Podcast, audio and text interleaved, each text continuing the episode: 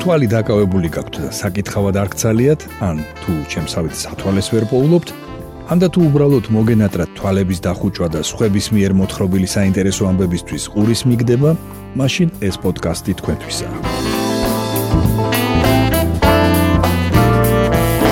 გამარჯობა. თქვენ უსმენთ რადიო თავისუფლების პოდკასტს მოლაპარაკე ტექსტებს. მოლაპარაკე ტექსტებს. მე ბიძინა რამიშვილი გახლავართ. აქ მოქმედი პირები არიან ტექსტები, რომლებსაც რადიო თავისუფლების ვებსაიტზე ვარჩევ თქვენთვის კვირაში ერთხელ და მათ მოსათხრობ ამბებად ვაქცევ ხოლმე.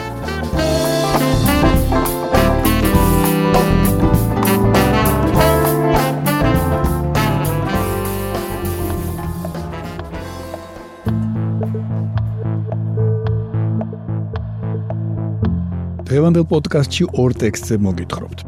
ერთში საუბარია პირველ ქართველ კარტოგრაფ ქალზე, რომელიც 200 წლის წინ ცხოვრობდა. მეორეში ვნახავთ რას ყვებიან ქართველი თვითმხილველები ანტარქტიდის შესახებ.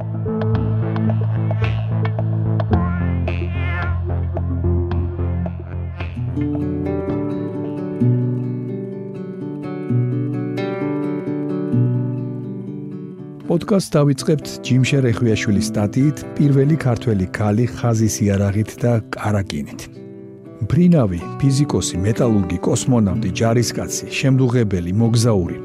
არ არსებობს პროფესია, რომელშიც წარმატებას ვერ მიაღწიეს ქალებმა. თუმცა განსაკუთრებულ აღნიშვნას იმსახურებენ ხელობის პროფესიის სათავეებთან მდგომი ქალები.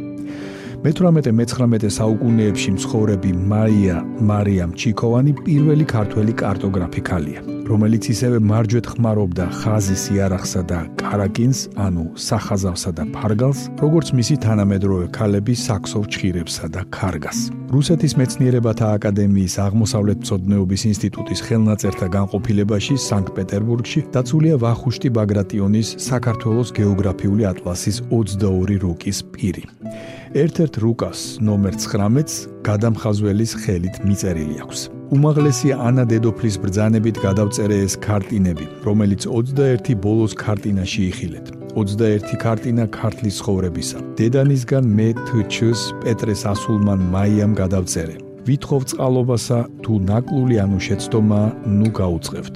რას ნიშნავს მე თჩს ვინ არის ანა დედოფალი ამ კითხვებს სვამს ცნობილი ქართველი ეკონომ-გეოგრაფი გეოგრაფიულ მეცნიერებათა დოქტორი გრიგოლ ზარდალიშვილი ჟურნალ დროშაში 60 წლის წინ გამოქვეყნებულ სტატიაში. ანა იყო იმერეთის მეფის დავით გიორგის ძის მეუღლე ეს ის დავითია რომელიც ტახტიდან ჩამოაგდო და განდევნა იმერეთის მეფე სოლომონ მეორემ დავითის მეუღლე ანა რუსეთის მეფის ნებართვით 1809 წელს პეტერბურგში დასახლდა. დედოფალი ანა მაღალი კულტურის ქალი ყოფილა. შემთხვევითი არ არის, რომ მან ვახუშტისეული ატლასის პირი გადააღებინა. ისმება კითხვა, ვინ არის ვახუშტის რუკის პირის გადამღები, რომლის მიერ ოსტატურად შესრულებული ნახაზები დიდ გემოვნებასა და კარტოგრაფიული ხელოვნების მაღალ კულტურაზე მიგვითითებს. რუკაზე წერია მხაზველის გვარი. მე თჩსკი ნიშნავს მე თამარ ჩიკოვანის. მაია ჩიკოვანის გვარი პირველად გაშიფრა დოცენტმა ირაკლი მათურელმა. მისი აზრით მაია ჩიკოვანის მიერ ვახუშტისეული რუკები გადაღებულია 1823-36 წლებში. წერს გრიგოლ ზარდალაშვილი, რომელიც იმასაც შენიშნავს, რომ დღემდე არ მოიპოვება მაიას პორტრეტი. მაგრამ ავტორს იმედი აქვს, რომ წერილის წაკითხვის შემდეგ მკითხველები რამე მასალას მიაწვდიან რედაქციას. და მართლაც წერილის გამოქვეყნებიდან დაახლოებით 9 წლის შემდეგ ჟურნალ დროშის რედაქციამ მიიღო მოქალაქე პაპუნა წერეთლის ასეთი შინაარსის წერილი. ამ 20-25 წლის წინათ ჩემს მეგობართან ხელოვნების ნიმუშების კოლექციონერსა და ქართული ხალხური ხელოვნების ენთუზიასტ არტემ გაბუნიასთან ვიყავი სტუმრად. მას პინძელმა უჯრა გამოაღო, იქიდან პატარა მინიატურა ამოიღო და თავმომწონედ მითხრა: "შეხედე რა შევიძინე, ეს პირველი ქართველი კარტოგრაფი ქალი მაია ჩიკოვანია." მინიატურაზე ხანში შესული ქართველი ქალი იყო გამოსახული. ცნობილია, რომ მაია ჩიკოვანი დევნილ ანა დედოფალს ერეკლე მეორის დიშვილის მამუკა მათე ორბელიანის შვილს გაჰყვა პეტერბურგში. გრიგოლ ზარდალაშვილის თქმით, მაია ჩიკოვანი საუკეთესო მხაზველ კარტოგრაფი ყოფილა, რადგან მის მიერ გადაღებული რუკის ასლები კარტოგრაფიული ხელოვნების თვალსაზრისით არაფრით ჩამოუვარდებოდა დედანს. გრიგოლ ზარდალაშვილი ამბობს, რომ არ იცის თუ სად მიიღო მაია ჩიქოვანმა ასეთი ბრწყინვალე კარტოგრაფიული განათლება. თუმცა ცნობილია, რომ მაია ჩიქოვანის საქმიანობა მარტო ვახუშტის რუკების ასლის გადაღებით არ შემოიფარგლებოდა. საქართველოს ხელნაწერთა ინსტიტუტში დაცულია ხელნაწერი H388 ანსილონი ესთეტიკებრნი განსჯანი, რომელშიც ვკითხულობთ. ესე ესთეტიკებრნი განსჯანი სტარგმნა რუსულით ქართულად საქართველოს მეფის გიორგის მეცამეტის პირმშომან ძემან დავით. ხოლო მე გადავნუსხე თავადის ჩიქოვანის პეტრეს ასულმან მაიამ სანქტ-პეტერბურგს წელს 1817-ს აუგუსტოს 4-სა ანსილონის ესთეტიკებრნი განსჯანის ქართულ ენაზე თარგმნა უაღრესად მნიშვნელოვანია თუნდაც იმის გამო რომ ამ თარგმანმა ქართულში დაამკვიდრა რამდენიმე მანამდე უცნობი ტერმინი მათ შორის ესთეტიკა და ხელოვნება ხატრული შემოქმედების თვალსაზრისით. ცხადია, მაია ჩიქოვანამდე გეოგრაფიულ აზროვნებას საქართველოსში მრავალსაუკუნოვანი ისტორია ჰქონდა. ძველ საქართველოსში იყვნენ ეგრეთ წოდებული ადგილის მწოდნეები და ადგილის აღმწერები, რომლებსაც ფართო გეოგრაფიულ კარტოგრაფიული განათლება ჰქონდათ. მათ გააჩნდათ სპეციალური რუკები, სხვადასხვა რელიეფის სურათები, გეგმები. კოლხებს ჰქონიათ საგანგებო ფიცრები, კირბები, რომლებზეც მოგზაურობისთვის ნაჩვენები იყო ყველა გზა, წყლისა და ხმელეთის საზღვრები. წერს გრიგოლ ზარდალაშვილი. ქართული კარტოგრაფიული მეცნიერების განვითარებაში დიდი წვლილი შეიტანა ვახტანგ მეექვსემ, რომელიც თვითონ ადგენდა საქართველოსა და სომხეთის რუკებს. მისმა აღზრდელმა სულხან საბა ორბელიანმა საქართველოს ხელნაწერი რუკა შეადგინა, რომელიც შემდეგ ფრანგმა მეცნიერმა დელილმა გამოიყენა და 1723 წელს პარიზში გამოსცა კავკასიის რუკა ფრანგულ ენაზე. საყოველთაოდ ცნობილია ვახუშტის შესანიშნავი გეოგრაფიული ატლასები, რომლებმაც აღიარება ჰპოვეს რუსეთსა და დასავლეთ ევროპაში. ქართული კარტოგრაფიული სკოლის არსებობაზე მიგვითითებს ვახუშტის ცნობა, სადაც საუბარია რაღაც ძველ შემოკრებილ რუკებზე.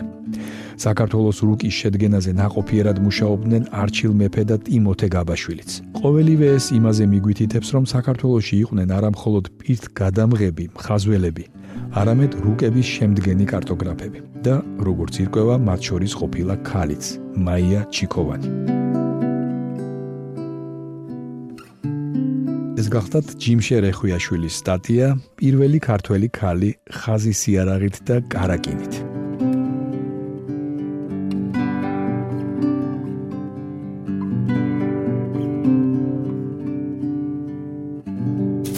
თქვენ უსმენთ პოდკასტს მოლაპარაკე ტექსტებს. ჩვენი პოდკასტის მეორე ტექსტია თეატოფურია სტატია ანტარქტიდა ქართველი თვითმხილველების თვალით. ხანდახან გგონია რომ ეს კონტინენტი მხოლოდ რუკაზეა დახატული და სინამდვილეში არ არსებობს. ასე ხდება, როცა არავის იცნობ, ვინც იქ ერთხელ მაინც არის ნამყოფი. ანტარქტიდაში საქართველოსდან სულ რამდენიმე ადამიანია ჩასული. მათგან ისინი, ვინც იქ საბჭოთა ექსპედიციების დროს იყო, ახლა ცოცხლები აღარ არიან. თუმცა დატოვეს მოგონებები, გამოცდილება, რომელიც სხვას არაფერ შეედრება. ანტარქტიდა შორია და ძვირი. ალბათ ეს არის მიზეზი, რომ ამ კონტინენტს ბევრი სტუმარი არ ახავს. განსაკუთრებით ღარიბი ქვეყნებიდან. აქ ან კვლევრები მიდიან, ან კინემატოგრაფისტები, ან ტურისტები, რომლებმაც ამ მოგზაურობაში 10000ობით დოლარი გადაიხადეს. საბჭოთა კავშირის დროსაც კი მხოლოდ გარსევან კურდღელაიძე და ლაშარ ფულარიანი მოხვდნენ საქართველოსდან. თანამედროვე დროში თუ მოინდომე ზელანდიიდან უკვე ტურისტადაც ჩახვალ. ანტარქტიდას მეცნიერები დღემდე აქტიურად სწავლობენ, რადგან ის მდიდარია რესურსებით და ამასთან ძალიან დიდი მნიშვნელობა აქვს ჰაერის მასების გადაადგილების კუთხით. ამბობს გეოგრაფი გიორგი დვალიშვილი. ანტარქტიდის პირველი ქართველი მკვლევარი გარსევან კურდღელაიძე უკიდურეს სამხრეთში მდებარე კონტინენტზე 1957 წელს ჩავიდა და იქ 3 წელი გაატარა. სახლში დაბრუნებულმა დაწერა წიგნი ანტარქტიდის დღიური, რომელიც 2020 წელს მისი დაბადებიდან 100 წლის იუბილეს აღსანიშნავად ხელმეორედ გამოიცა.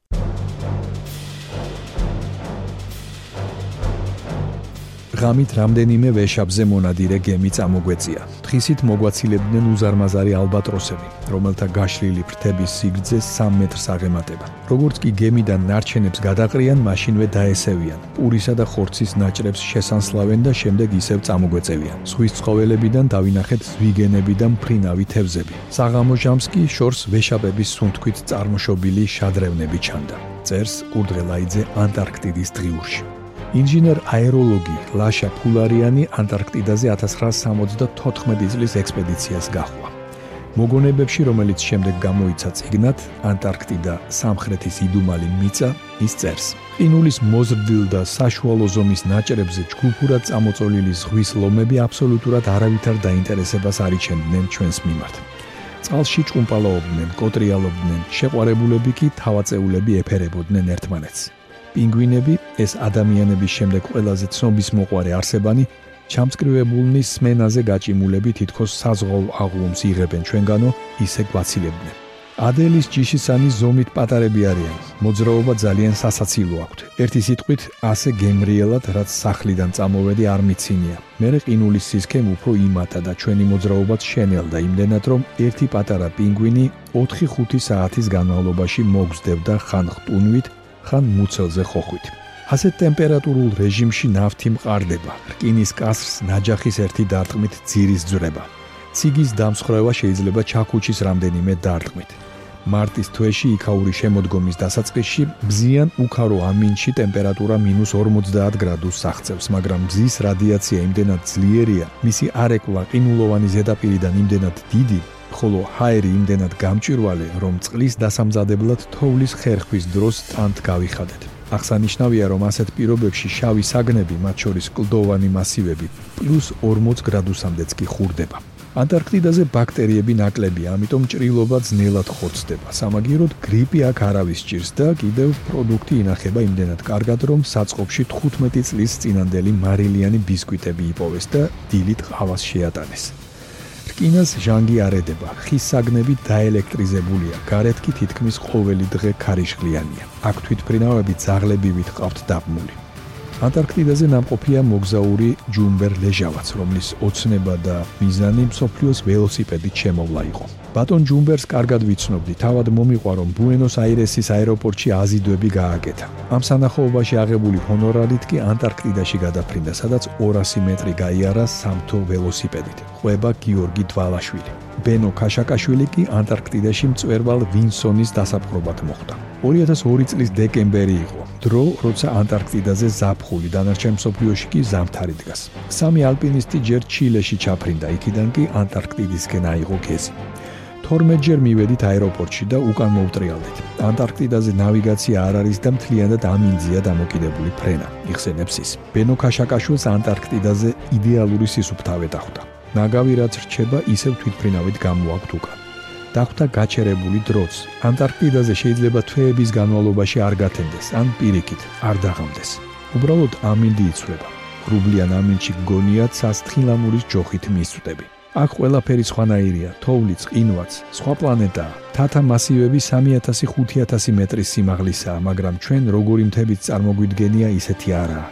სტადიონივით ბრტყელი რელიეფია და უცებ ამ რელიეფზე პირამიდებივით დგას მთები. ანტარქტიდაში რთული ისაა, რომ არავინ არაა. სხვაგან რომ ხარ, რომელიმე მწვერვალზე იცი რამდენიმე კილომეტრს გაივლი და მერე ბაზა იქნება.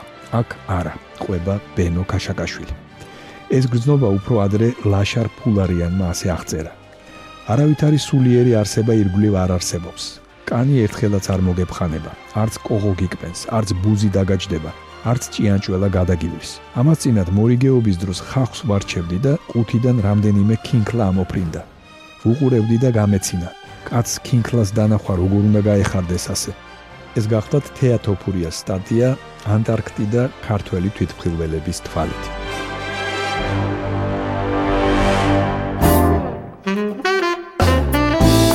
თქვენ მოისმინეთ რადიო თავისუფლების პოდკასტი მოლაპარაკე ტექსტები. მე კვირაში ერთხელ ვარჩევ რადიო თავისუფლების ვებსაიტზე გამოქვეყნებულ ტექსტებს და მათ მოსათხრობამდებად ვაქცევ ხოლმე. ჩვენი პოდკასტი შეგიძლიათ გამოიწეროთ, ჩამოტვირთოთ ან მოისმინოთ პირდაპირ რადიო თავისუფლების ვებსაიტზე. მისი მისამართია რადიო თავისუფლება.ge. თუ ჩემი მიერ მოთხრობილი ტექსტები სრული სახით დაგაინტერესებთ, მათი მოძებნა იულია. ვებსაიტზე, პოდკასტის გვერდზე იპოვით ყოველ ცალკეულ პროგრამაში მოთხრობილი ტექსტების ბმულებს. მე ბიძინა რამიშვილი ვარ. მომავალ შეხვედრამდე.